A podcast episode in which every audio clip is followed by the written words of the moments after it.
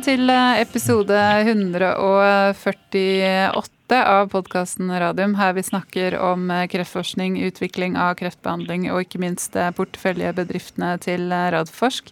Episoden i dag heter Targovax, og det er 28. oktober, og klokken er 14. Velkommen i studio, Jonas Einarsson. Takk skal du ha, Elisabeth. Alt bra? Alt vel. Ja, Litt mindre heseblesende enn forrige uke? Ja da, nå har jeg ikke et møte igjen klokken tre, så det går fint. um, jeg vet ikke om vi skal si noe om den nye koronasituasjonen? Ja. Nei, vi er eh, på vei inn i eh, høstbølgen, som vel var vel, vel forutsett, eh, og at den skulle komme. Eh, det er viktig å lytte nå til disse ekspertene, eh, og spesielt hvordan man tolker dette her. Eh, de mener jo at vi er inne i, i høstbølgen, men foreløpig er vi ikke i den situasjonen vi var i i mars. Eh, fordi at eh, antall smittetall er veldig vanskelig å sammenligne. Fordi vi tester så mye mye flere nå og tar så mange flere av de smittede. Dessverre så er det nok tallene på sykehusinnleggelser og eventuelle dødsfall vi, vi må se det på.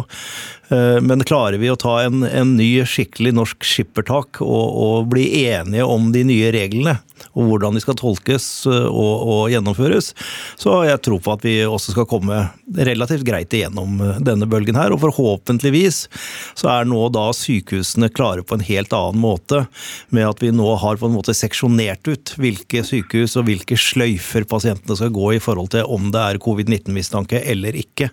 Sånn at vi ikke behøver å stenge ned Radiumhospitalet igjen i en periode, sånn som man eh, gjorde, men nå vet at vi kan holde det koronafritt. Mm. Så jeg er noe sånn betinget optimist på at vi skal komme greit igjennom, men at det kommer en ny bølge nå i hele Europa og, og også i USA, det, det det er helt sikkert, tenker jeg. Ja. Eh, vi får bare vente og se, men i hvert fall vi som eh, jobber i Oslo-området har vel egentlig fått eh, påbud om hjemmekontor, i den ja. grad vi skal ha det. Så det får vi følge, vi også. Men ja. vi må jo ha podkast. Podkasten må vi ha. Her, her overholder vi alle, alle, alle, regler. Ikke sant. Men da er det hyggelig å ønske velkommen Erik Digman Wiklund, BDO i Targovax, i studio også. Takk. Hyggelig ja. å komme til dere, som alltid. Ja, veldig hyggelig å ha deg med. And then it's also nice to say hello to Viktor Levitsky, the CSO in Targovax. Hello. Uh, hello, I'm glad to be with you today. Yes, good. Uh, you're situated in Zurich? Yes, that's my usual location. Yeah. Days, yes. And how uh, we were just talking in Norwegian. Uh, I don't think you understood understood that uh, about the corona situation now. I, I, yeah, the corona situation, unfortunately, is not getting better. No. So uh, how how is it in Zurich? Is it uh, is it hard hitting hard there as uh, well? Yeah, there are some restrictions, and unfortunately, the number of infected and hospitalized uh, people is going up. Hmm. So you know we will have to wait for better times. Yes, absolutely. Winter is coming, as they say in a popular TV show. um, before we before we dive more into Targovax, we will just have some uh, updates on the portfolio companies uh, since last time.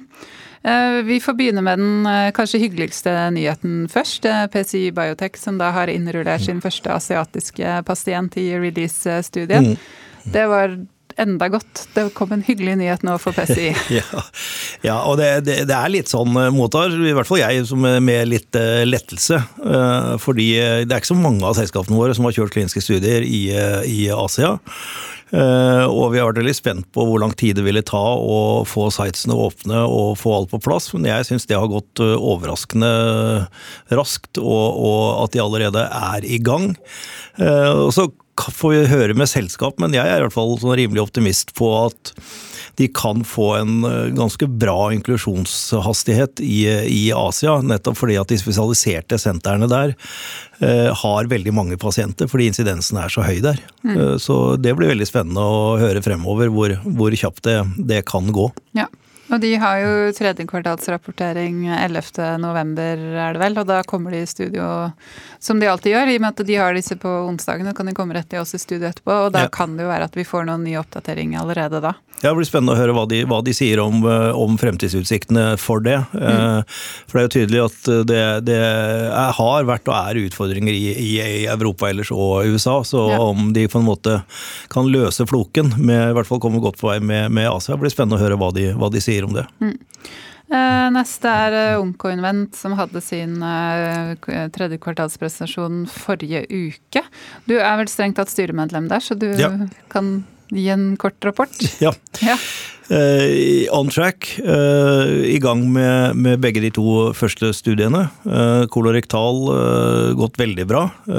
syv pasienter, inkludert til den dagen det ble avlagt rapport. det betyr jo at de første to dosene det er sånn tretrinnsrakett med, med doseeskalering med tre pasienter i hver. og Det betyr at trinn to er, er ferdig og da venter vi bare på resultatet fra Safety Committee der eh, om å gå videre, og også fått inkludert den første pasienten i, i, i den med, med ovariekancer. Så det ser ut som vi klarer å gjennomføre det on time, og at vi kan levere resultater fra den, eh, den fase 1-studien i løpet av neste år. Mm. Og da kan jeg også si at de studiene her går jo i Norge. Så det er ja. gøy å se at det er såpass, eh, såpass, rask inklusjonstakt i Norge også. Ja, det har, og det har virkelig, virkelig, gått veldig fint. Og så er det jo veldig hyggelig at vi nå har fått åpnet eh, i Løven mm. uh, også. Det er fordi, rett og slett fordi det er et veldig veldig anerkjent sykehus for nettopp denne type operasjoner. Hvis jeg ikke husker riktig, så er det et nasjonalt senter. Ja. Så det er, det er positivt. Så bra.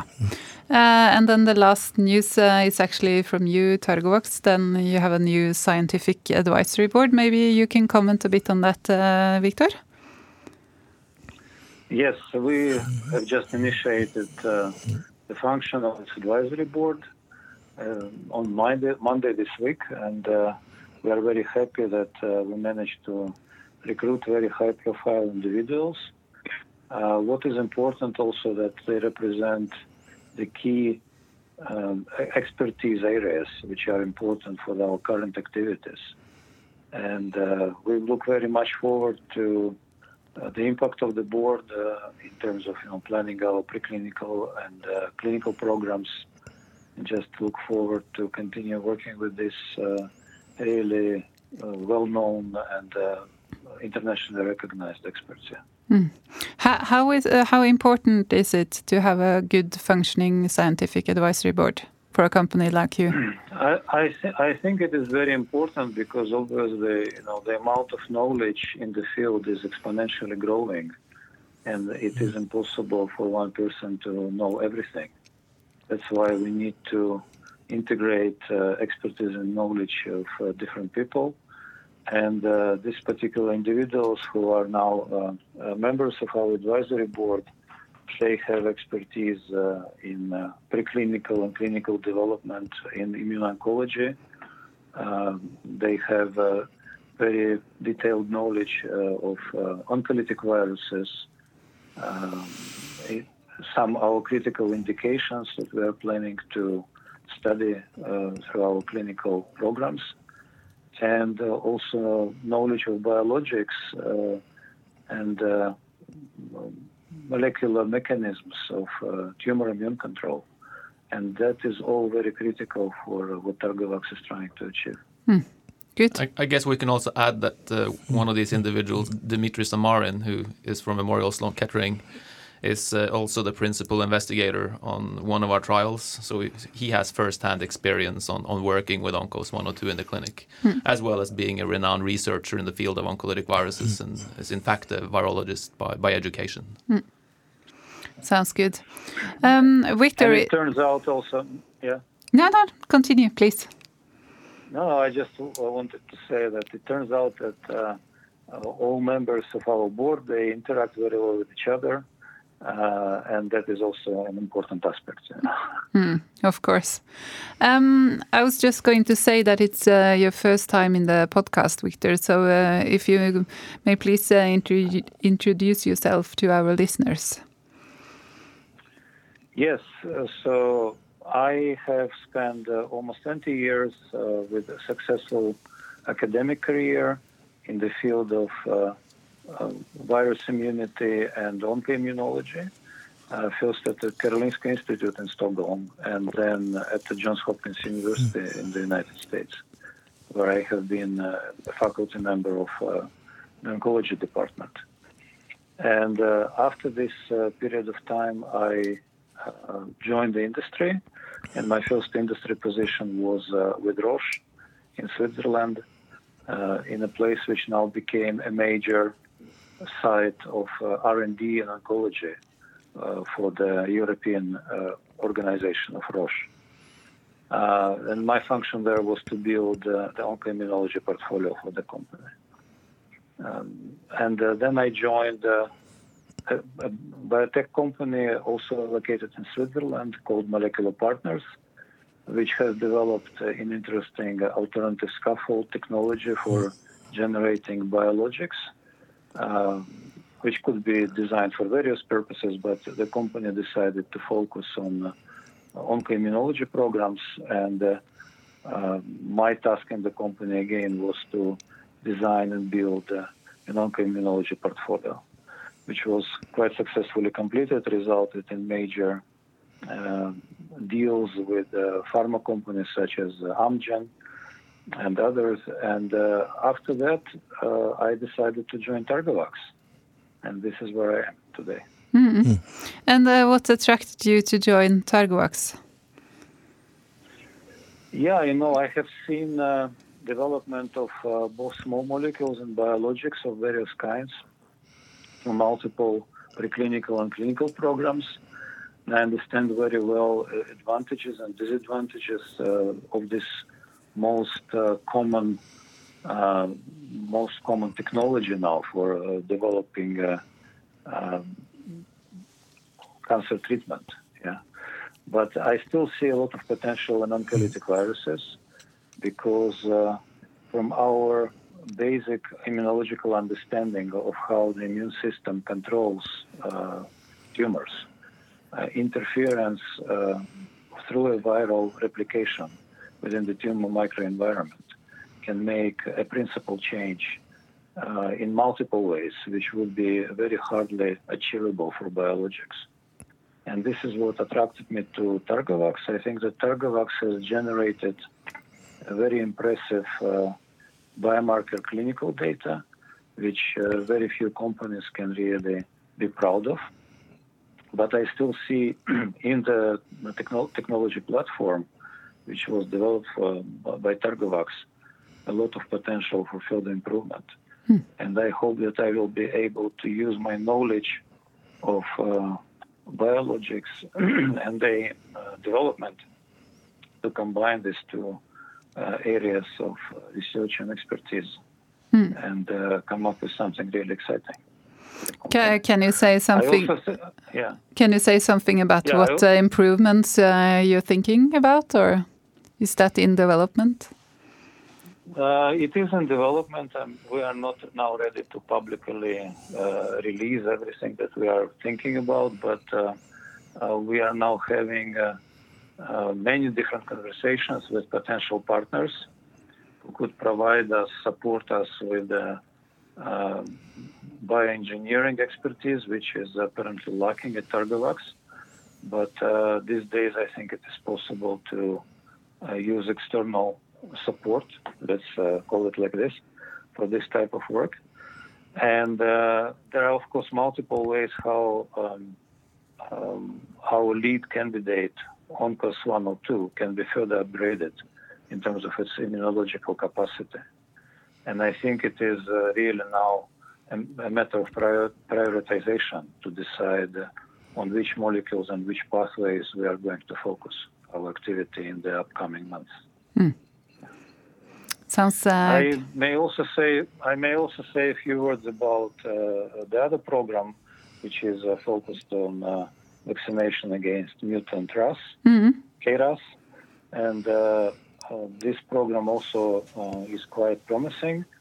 clearly, we see a surging interest um, in this asset because I think the field came to much better um, realization and appreciation of the potential of uh, neoantigens, so mutated antigens which are found in uh, uh, tumor cells.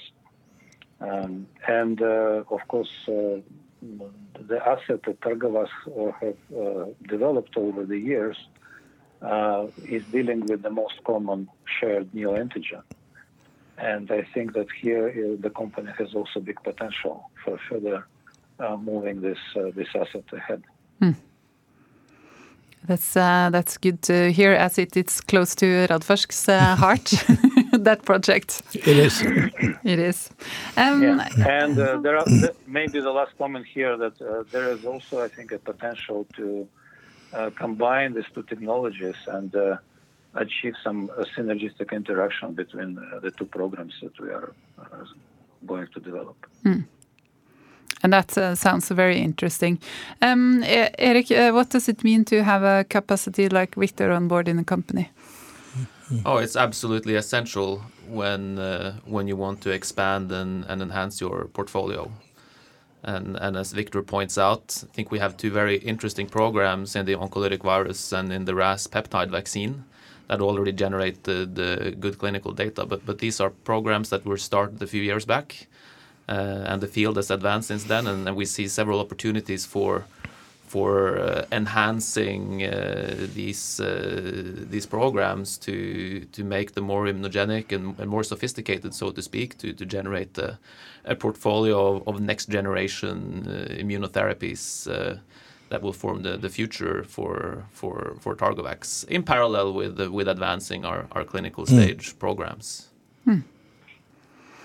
Um, good. Um, you just uh, raised uh, 75 million NOK in a fundraising earlier this uh, October. Um, and I guess now when we look at the stock exchanges all over the world that you're quite happy with being done with that. tell us more about the fundraising, the timing and what you will use the funding for. Yes, sure. as you point out, the, the markets are somewhat volatile these days and and we thought it was uh, safe to uh, to use the the favorable market dynamics just a couple of weeks uh, back to to raise some capital in order to have a little bit more cash buffer and, runway and, ensure that we get beyond the important readouts from the ongoing clinical program and, have sufficient time to, to react and, and plan beyond those those readouts. Mm. Uh, we also had a listener question regarding the fundraising. I think it was last week we had mm. it. And then the, the listener, uh, he or she was wondering why uh, why you raised such a small amount uh, of funding and why you have done so each time you have been doing this uh, fundraising the last times. Uh, also asked if it's not better to raise a larger sum once and then wait longer to raise more money. Yeah, this is difficult question to answer. Uh, in this case, we, we felt this was the right type of amount to create sufficient buffer, get to the to the important readouts uh, that we need. Mm. Okay. Did you answer that question last time? what was your answer? No, I answer, don't remember. my answer was that we should uh, ask these guys in the next podcast. Yeah, okay. Yeah. yeah. yeah, but then we got uh, got the answer then. Um, we also had the analyst uh, Lars Mørland Knutsen from Arctic here in the podcast last week, and he said he was very much looking forward to the data on melanoma. Um, may you give us an update on the clinical trial you're doing in melanoma? Yeah, so the melanoma trial we're running is uh, uh is uh, a trial in what we call PD-1 refractory patients. So these are melanoma patients that have received treatment with a checkpoint inhibitor and then either progressed immediately or, or had a response and then and then later on progressed. So they no longer have a benefit from treatment with a checkpoint inhibitor. What we do is we then take these patients, give them Oncos 102, and uh, retreat with uh, with an anti-PD-1 checkpoint inhibitor, Keytruda from Merck. Uh, and the idea is to see whether we can reactivate the patient so that they become responders to the to the checkpoint inhibitor. So here you really expect that no one would respond to the to the retreatment with a PD-1 antagonist, and, and any improvement you get is is from the the effect of the oncolytic virus. So this trial we're running is a two-part trial, and in the first part we're giving only three injections, Uh, this uh, this part we reported data from in uh, probably now it's about what a year and a half ago, where we got a response in three out of the first nine patients, including one patient with a complete response, which means the all signs of the of the tumor in, in that particular case uh, disappeared. Uh, so that means we have a 33% ORR in, in this very difficult uh, patient population, and and these data stack up very favorably to to other molecules in development in, in this patient population. Typically, what others have seen are in the range of 20 to 30 percent, so we're, we're in the upper end. Uh, but of course, we have a small patient number, it's only nine patients. So now we're coming to the completion of part two of this trial. And, and in this part, we're, we're essentially doing the same thing, but we give more oncos injections and we give oncos for a longer period of time. Uh, and we're interested to, to now see whether this may improve on, on the outcome for, mm. for the patients. And, and these 12 patients are all, they were luckily for us, and the last patient was enrolled just before COVID, uh, mm. the COVID situation. Uh, there has been uh, some delays to sample collection because of lockdowns at hospitals, uh, etc. But uh, but we're getting data relatively soon, and uh, I think December or January we'll be able to to publish results uh, from part two of the trial. So so then 12 more patients. Hmm. So then after that we will have data on 21 patients, uh, and uh, and uh, I think there are two important aspects here. One is to just show whether we can reactivate the patients to respond to checkpoint inhibitors, which, which I think we already did, and that proves that ONCOS 102 can work, does its job mm. in, mm. in these patients.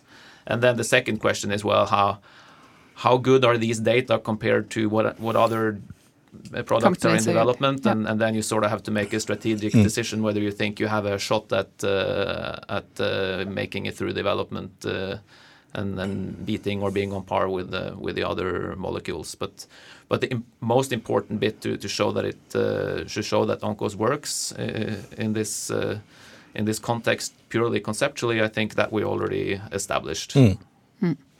Uh, Victor, do you have a comment to what we are discussing in the studio now? Mm, yeah, I think uh, Eric covered this uh, pretty well, but uh, I can only add that uh, in addition to clinical data, uh, we would also like to see the experimental results that we obtained by analyzing different material from patients including tumor biopsies. And uh, it would be important to see if we can establish any clinical correlates with uh, immunological changes in the tumor hmm. uh, that we know are happening. Uh, and we know that the virus modulates the tumor microenvironment in uh, multiple ways, uh, which are usually not achievable with individual biologics or small molecules. But of course, we want to see the full package of data to be able to make uh, firm conclusions on that. Hmm. And then we are also waiting for the eight, 18 months follow up on the mesothelioma trial. Uh, can you give us some insights into that trial, Eric? Yes, so in, in this uh, trial, we're, we're in a way doing the opposite to, to melanoma. So in melanoma, we're coming in in the late stage patients that have failed other treatments in mesothelioma, what we're trying to do is uh, is test ONCOS 102 as a frontline treatment, which which means the, the first therapy that the patient will get. So normally these these patients will receive uh, chemotherapy, uh, and in this trial we're simply adding ONCOS 102 to chemotherapy in in mesothelioma patients, and then we're looking for immunological changes, mechanistic data, evidence that ONCOS 102 is is doing what it's supposed to do and then obviously we're looking for for patient outcomes. And importantly, in this trial, we have a, a control group, which uh, it's it's a small trial of just 30 patients, so we don't expect to show any statistical improvement on on survival or, or, or efficacy data, but we really want wanted to have this cohort in to be able to look at uh, the the immunological changes in in the oncos treated versus the chemotherapy only mm. population. So so uh, that's the reason we have that control group in. But it also allows us to to compare how we're doing efficacy wise. So to date, we we've uh, reported uh, data from the 12 month follow up. So that's 12 months after the last patient stopped treatment. So that we published in summer. And at that time point, we had some early survival data. I think at 12 months, the survival was 64% in treated patients versus 50% in the control. It's a little bit early to say what that means, but at least it's pointing in mm. the right direction. And we also have some PFS and ORR data, but mesothelioma is notoriously difficult to predict the outcome of from PFS and ORR data.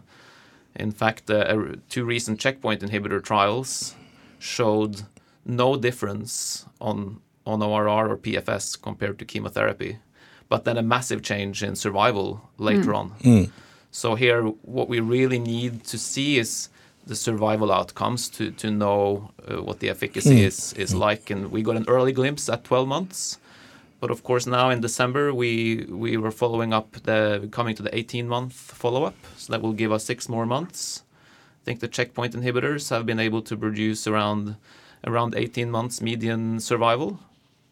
Uh, so I think if we reach median survival now, that uh, I think wouldn't be surprising. And if we don't, that's almost better news because then it means mm. it's over mm. 18, and and then it would be in the next follow-up at 24 months, which comes in in uh, the middle of next year. Hmm. In In addition to the to the efficacy here, I think this trial has really produced some best-in-class immunological data. We see profound changes in the in the tumor microenvironment and the systemic immune activation in these patients. And importantly, that that change is much stronger in the oncos-treated than in the chemotherapy-only patients. And it correlates with the outcome for the patients so far. So we're showing oncos is doing what it's supposed to, and Uh, that correlates with outcomes. And hmm. this is even before we combine with a checkpoint inhibitor hmm. because I don't think anyone really expects these molecules to to work independently. They they really are priming or pegging up for the checkpoint inhibitors to work. So so we believe that these data strongly argues for the the checkpoint combo. And and maybe here, I also leave to Victor to comment a little bit on on the immunological data and what more analysis we're doing. Hmm. Yeah, we continue to analyze uh, the data as it is uh, arriving because uh, not all data has been yet collected and fully analyzed. And it is possible that we will have additional interesting messages coming from this work. But of course, what I would like to stress is that what we see, and Eric has described already, in response to treatment with ONCOS-102 and mesothelioma, Uh, opens up possibilities for other uh, treatment combinations, not only with checkpoint inhibitors, but uh, there are other classes of reagents or drug, drugs which could be combined with our virus in the clinic. And some obvious candidates would be cellular therapy or so-called T-cell engagers, which could recruit T-cells that we Uh, reactivate or uh, uh, allow to enter into the tumor by administering our virus against tumor cells.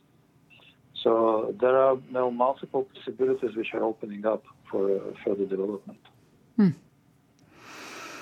Looking forward to see the data when they are. Was it December, you said, this year? Yeah, so the follow-up is sometime in early December, and then it takes a little time to collect and analyze hmm. and sort of uh, ensure the data are are the right data and double-check everything, and then we can release. So again, this will be sometime in December or January, probably. Yeah. Um, and how is the competition looking? Are you still among the leading companies when it comes to oncolytic viruses and developing cancer care? Uh, yes, I would say so. In terms of uh, oncolytic viruses, there are a number of companies working on this, but uh, but Targovax is certainly in the forefront when you look at the number of patients treated and and the data generated to date. I think particularly our our mechanistic data. What we're showing is that the oncolytic virus does exactly what it's supposed to do. But we're really the only ones to show that to that broad degree we have in a clinical setting. Others are maybe making the claim or showing it in vivo, but that's a big difference from from actually demonstrating in a patient systemically and locally that it what you postulate indeed is happening. Um, so, so this gives us great comfort that uh, we have a we have a product that does what it's supposed to, and, and then it's a matter of doing the right trials to to show then and the right combinations to translate that into to benefit uh, for patients.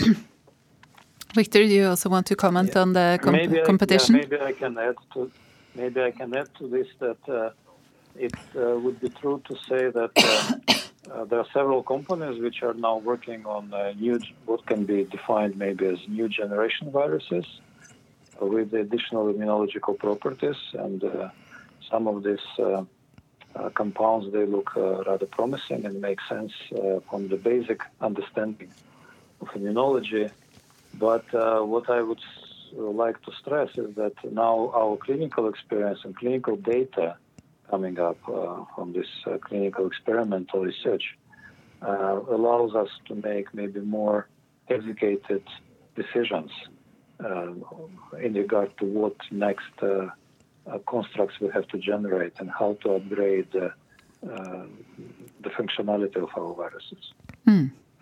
And uh, that's uh, that's a good uh, bridge over to my next uh, question because uh, you have in development some new oncolytic viruses. Uh, they are in preclinical development, and so I was wondering how do they differ from Oncos 102, and when do you plan to go into first in man with with one of these new oncolytic viruses? Yeah, of course, they differ uh, from Oncos 102 in respect to uh, the capabilities to stimulate the immune system in, in different ways because, as you know, Oncos 102 has only one uh, payload, which is GM-CSF. And uh, uh, now, from our current understanding of uh, oncoimmunology, we can think of many other uh, pathways which could be stimulated within the tumor or blocked within the tumor to promote the functionality of uh, uh, T cells, tumor-specific T cells. And that is exactly, for instance, which one of our viruses does, uh, combining one uh, activating pathway and blocking an inhibitory pathway. And uh, these principles, they can be further extended. And uh, that's what we are trying to achieve uh, also through our through, through several collaborations which uh, have been established already. Uh, and maybe Eric, uh, as our chief business officer, can talk about this in more detail. Uh, but also, we feel that uh, there is a growing interest uh, to the oncolytic viral platform, you know, across the field and from different companies. Um, and uh, we hope that we will be able to inform you in more detail soon as these uh, interactions uh, progress. Eric, Yeah, so we're we're strategically looking to to form partnerships to uh, to enable two different things. One is to enhance the Onco's backbone to to add relevant functionality. Uh, and there uh, we announced a, a partnership in summer with a company called Leidos in, in the US, who have isolated uh, an interesting class of microbiome derived peptides that uh, that act as checkpoint inhibitors. So so they they are not checkpoint inhibitors in the classical sense, but they interfere with the same pathways.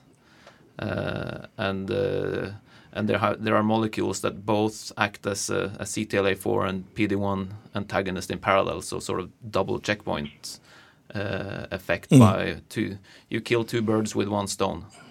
Uh, the other benefit with these molecules is that they're very small, so they can easily be uh, encoded as a genetic payload in our Oncos virus. So we're now working on on inserting this in, in different ways in, into Oncos, and this could potentially become a permanent feature of Oncos to have the checkpoint functionality built in, whilst at the same time these being so small that we can uh, we can have additional payloads uh, as well. So that's one angle for for uh, forming collaborations to to enhance the molecules in strategic ways. The second is uh, to to go deeper into RAS. So uh, our our TG01 and O2 vaccines are the clinical stage programs, but uh, we believe there are now technologies available to to go after mutant RAS in maybe a more sophisticated way.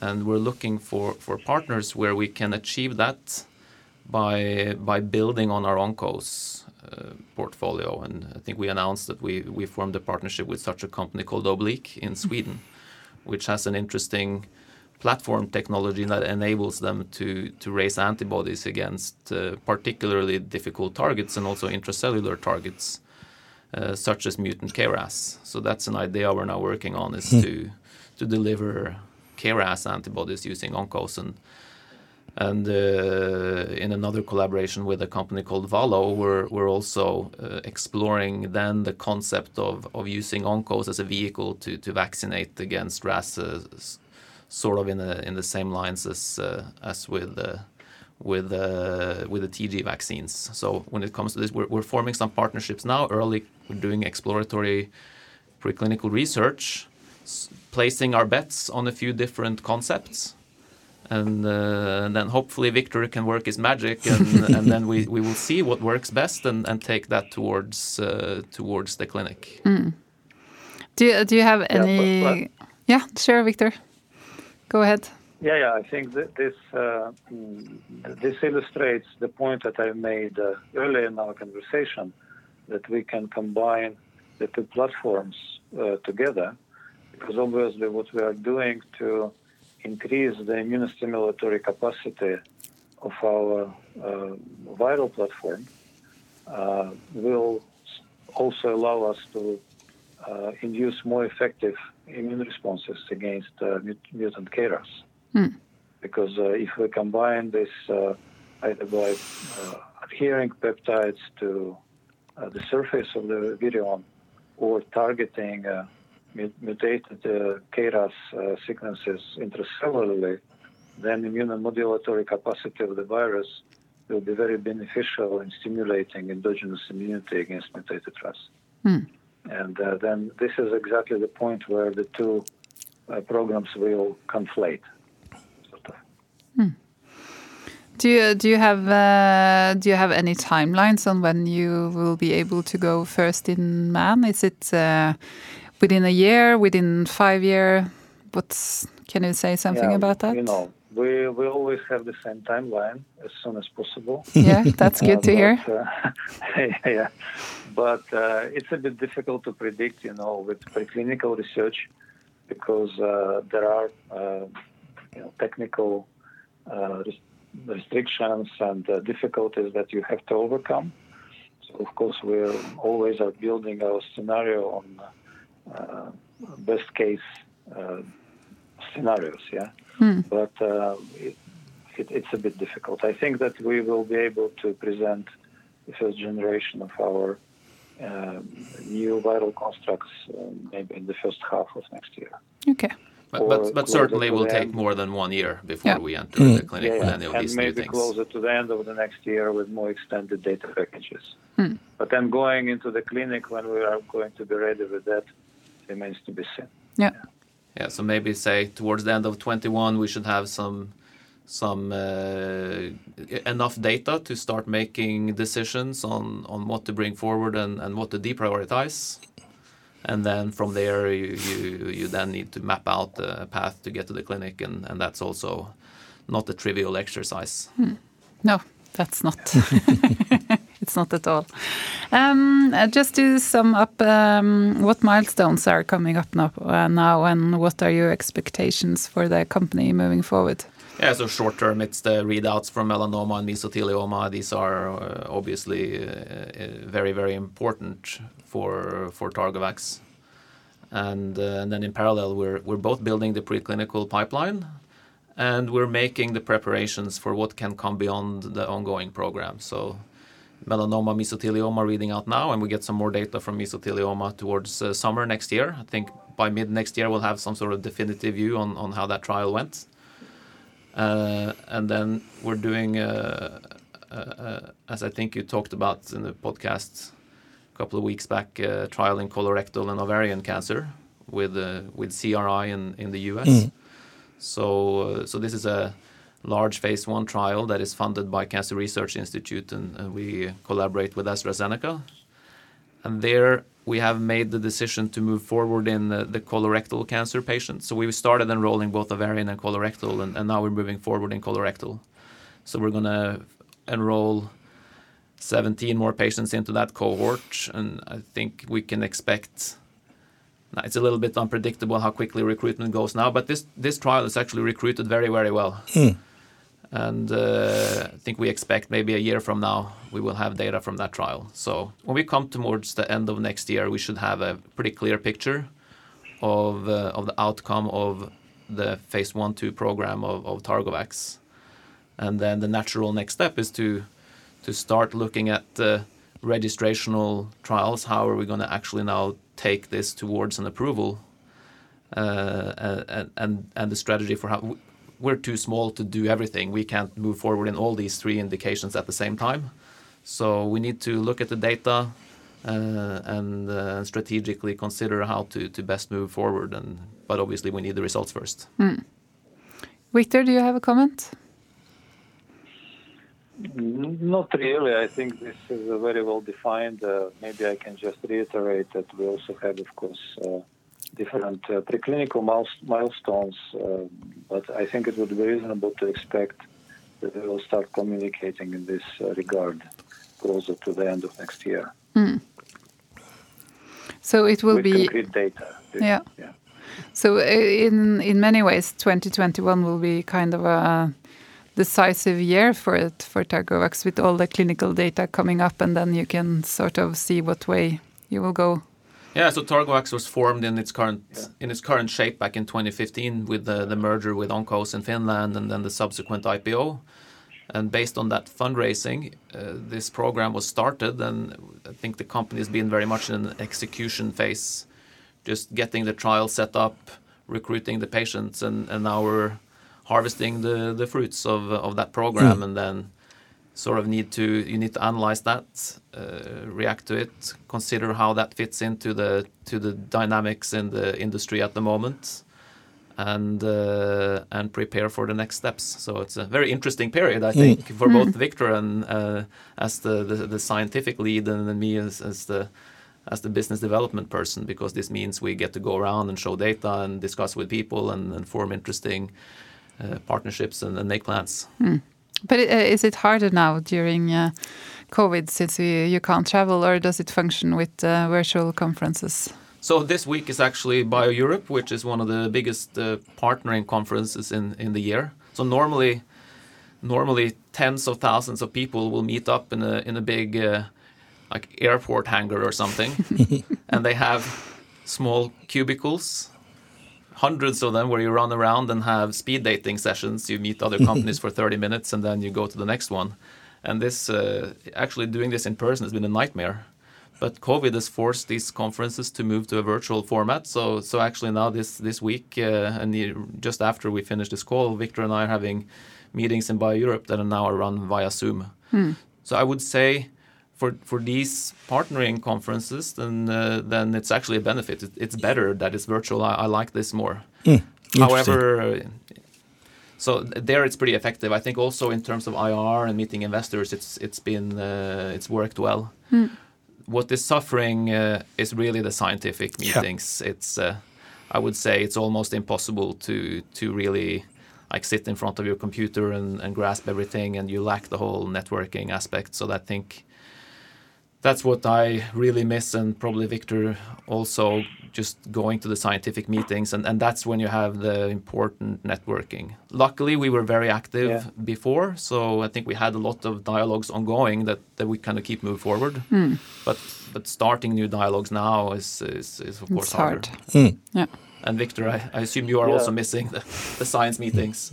Yeah, no, I, I totally agree. I mean, certain things work much better uh, remotely uh, you might be surprised that that is the case, but uh, and clearly, I can say that I uh, talk to Eric and listen to Eric much more than I talk to and listen to my family members. so you know, during the last weeks, uh, and, and, and yeah, that is fine. And as Eric said, some of the conference uh, conference formats they work much better. Mm. But uh, not everything works remotely, so you still need human contact And uh, yeah, I completely agree in regard to the scientific conferences that uh, it is unfortunately a problem. Mm. But uh, yeah, just coming maybe back and making a short comment, I think that uh, I completely agree that uh, strategically next year is going to be very important for Targovax. And uh, what we are trying to do with the, the development of our preclinical portfolio is to be ready for those strategic decisions that we are going to make. The Targovax is actually equipped uh, to move uh, uh, strategically into the right direction. Sounds good. Uh, I know you have with, a with, new, with new tools.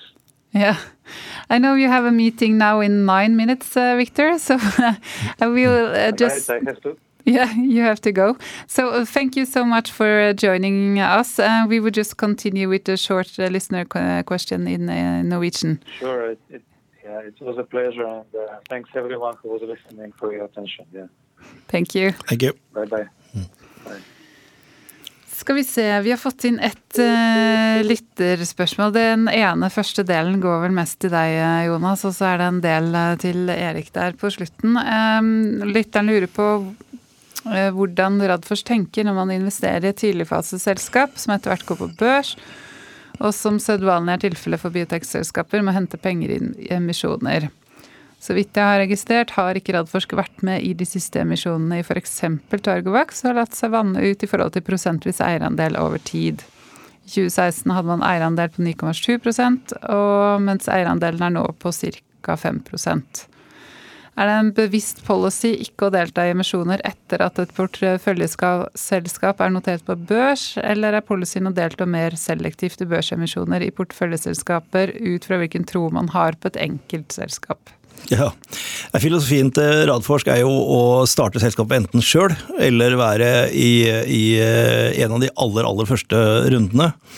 Eh, Vi har jo ikke sånn eh, i de 20 åra jeg har holdt på, hatt så voldsomt mye finansielle muskler. Eh, Sånn at vi har vært nødt til å prioritere de tidligfaseselskapene hvor det er viktig at vi er med. Og vi forsøker å bygge oss opp relativt solide eierandeler i en veldig tidlig fase, sånn at vi tåler en utvanning, men allikevel sitter igjen med en hyggelig gevinst hvis selskapet skal lykkes. Det er helt riktig at jo mer modne selskapene blir, jo mindre viktig er vi som deltakende investor i, i rundene. Så, så hvis vi går igjennom og ser historisk sett på de selskapene som har vært børsnotert, så har vi eh, alltid vært med frem til børsnotering. Vi har hendt vi har vært med i runder etterpå også, hvilket bl.a. Gjelder, gjelder Torgovax. Eh, Men vi må prioritere eh, både vår tilstedeværelse og de finansene vi har inn i de tidligere selskapene, for det er der vi spiller en viktigere rolle. Nå ser det jo ut som eh, at hvis flere av selskapene våre lykkes nå, eh, at det kan bli mer riktig sted og tid å ta exiter for oss, for vi vil helst ikke det. Vi vil helst være med i selskapene helt til de lykkes. eh, Og, høste gevinsten da. Men samtidig betyr det at vi nesten alltid er fullinvesterte. Eh, Og det betyr at hvis vi skulle vært med i alle, alle emisjoner, også i selskapene som er modne og har vært eh, notert over lang tid, så, så ville vi måtte selge oss ned i andre selskaper for å være med i nye emisjoner. Og da hadde det blitt spekulasjoner, gitt. Ja, og det er liksom ikke, ikke filosofien vår eh, i det, men, men det er jo klart at sånn verden ser ut nå, hvis vi plutselig sitter i en, i en situasjon hvor vi i tillegg til å ha verdiene våre i, i de investert i selskapene, også sitter på andre relativt store verdier, så vil det alltid være en fortløpende vurdering. Eh, Men når selskapene er blitt modne, har vært på børs en stund, har andre store og gode investorer inne, så vil det være mer en, en ren finansiell eh, vurdering om vi mener at det er riktig å være med i de rundene. og Frem til nå så ville jeg sagt at jeg skulle gjerne hatt enda mye mer penger og vært med i alle runder, også i de børsnoterte selskapene, fordi jeg tror på selskapene våre. Men, men det er nok først og fremst den, den huben av, av de yngre selskapene hvor vi må konsentrere oss mest. Mm. Siste halvdelen av spørsmålet går til deg, Erik, i forhold til um, hvorfor dere i Targovax ikke har kommunisert hvilke internasjonale investorer dere fikk med i denne siste runden. Det er jo litt opp til investoren om de ønsker at eh, det skal offentliggjøres eh, eller ikke. I de fleste tilfeller så ønsker de vel ikke det. Mm. Så Og så er vel regelen sånn at eh, det er ikke før en, en, en, eier har mer enn 5% av aksjene at man må flagge det til markedet. Så i det tilfellet her så er det jo opp til de som, til de som kjøper. Jeg kan si om den emisjonen vi gjorde nå, var at det var veldig god etterspørsel fra, fra internasjonale spesialistfond. Eller antageligvis beste vi, vi har hatt, tror jeg. Såkalte long only biotech-spesialister. Så i hvert fall fire-fem av, av investorene som kom inn, var nye, eh, nye internasjonale biotech-investorer. Hva skyldes det, tror du? Nei, Ironisk nok så tror jeg kanskje delvis det skyldes at eh, virtuelle, virtuelle roadshows Så vanligvis når vi skal gjøre emisjoner, så reiser vi jo rundt da, et team til USA og rundt i Europa og, og møter investorene. Og da kan det være vanskelig når, du, når, du, når de krever at man har et face-to-face-møte. Så er det, er det ofte vanskelig å få, få møter, eh, rett og slett. Og det tar lang tid fordi du skal reise og, holde på til masse forskjellige byer. Men nå pga. korona så har alle blitt mye mer komfortable med å kjøre dette online. Og inntrykket mitt er vel at terskelen er litt lavere for, eh, for investorer å ta møter med nye selskaper når, eh, når det er virtuelt. Jeg, er helt enig med Erik, og, jeg ser det samme eh, som på generell basis. Vi får nå møter i mye tidligfaseselskaper med disse, den type investorer som du ikke ville fått face-to-face-møte Ja. med. Eh, Men de sier at ja, altså vi, vi må samle et team på fem-seks, hadde et møte her om dagen med syv stykker fra et sånt, den type investor, et av de andre ny, veldig nye selskapene våre. Og de satt jo spredt rundt i hele USA. Men det var ikke noe problem for de å sette av den timen, eh, alle sammen, og så da ta, ta det møtet. og Jeg spurte litt om det, så sa de ja, nå, vi har, nå har vi anledning til å bli kjent med selskapene i en mye tidligere fase og følge de mye nærmere med den type møter. Så for oss så er det som du sier, paradoksalt nok, så det, er det kanskje en fordel. Jeg tror faktisk det. Og det siste du sier her er viktig, fordi disse investorene de, de, Du har ikke ett møte, og så investerer de. Typisk så må de, de liker å bli kjent med ledelsen, se litt hvordan det går. Gjennomfører man det man sier? Så du må gjerne møte de fire-fem ganger før du ender opp med at de, de, de tar en posisjon. Algeta er et godt eksempel der, hvor Øystein og, og, jeg jobbet før. Så, så var det mange år med systematisk IR-arbeid i USA uh, før, uh, før første amerikanske investoren kom inn. Jeg tror det var Første som kom inn, var at man hadde møtt dem seks ganger. Mm. Og, men til sist var jo alle de store fondene inne, inne i Algeta. Så Ja. jeg tror også det vi ser nå, er at vi har jobbet veldig systematisk med IR de siste tre-fire årene, og, og, og mange av de som nå kommer inn, er, er investorer som har kjent oss over tid og, fulgt med, og nå ser hm, ja, nå kom det data som er eh, gode, nå, nå tror vi det er en vei videre, og så henger de seg på. Så dette her er viktig å bare Man må bare brette opp armene og fortsette å, å møte investorer hele tiden, og så forhåpentligvis nå, da, med, med digitale roadshows, roadshows, så er det faktisk blitt litt enklere. Ja, og det tenker jeg er litt mer effektivt også, som du sier. Da. Det tar tid å reise til USA og forflytte seg innad i, i USA, og det er tidsforskjeller og, og hele pakka.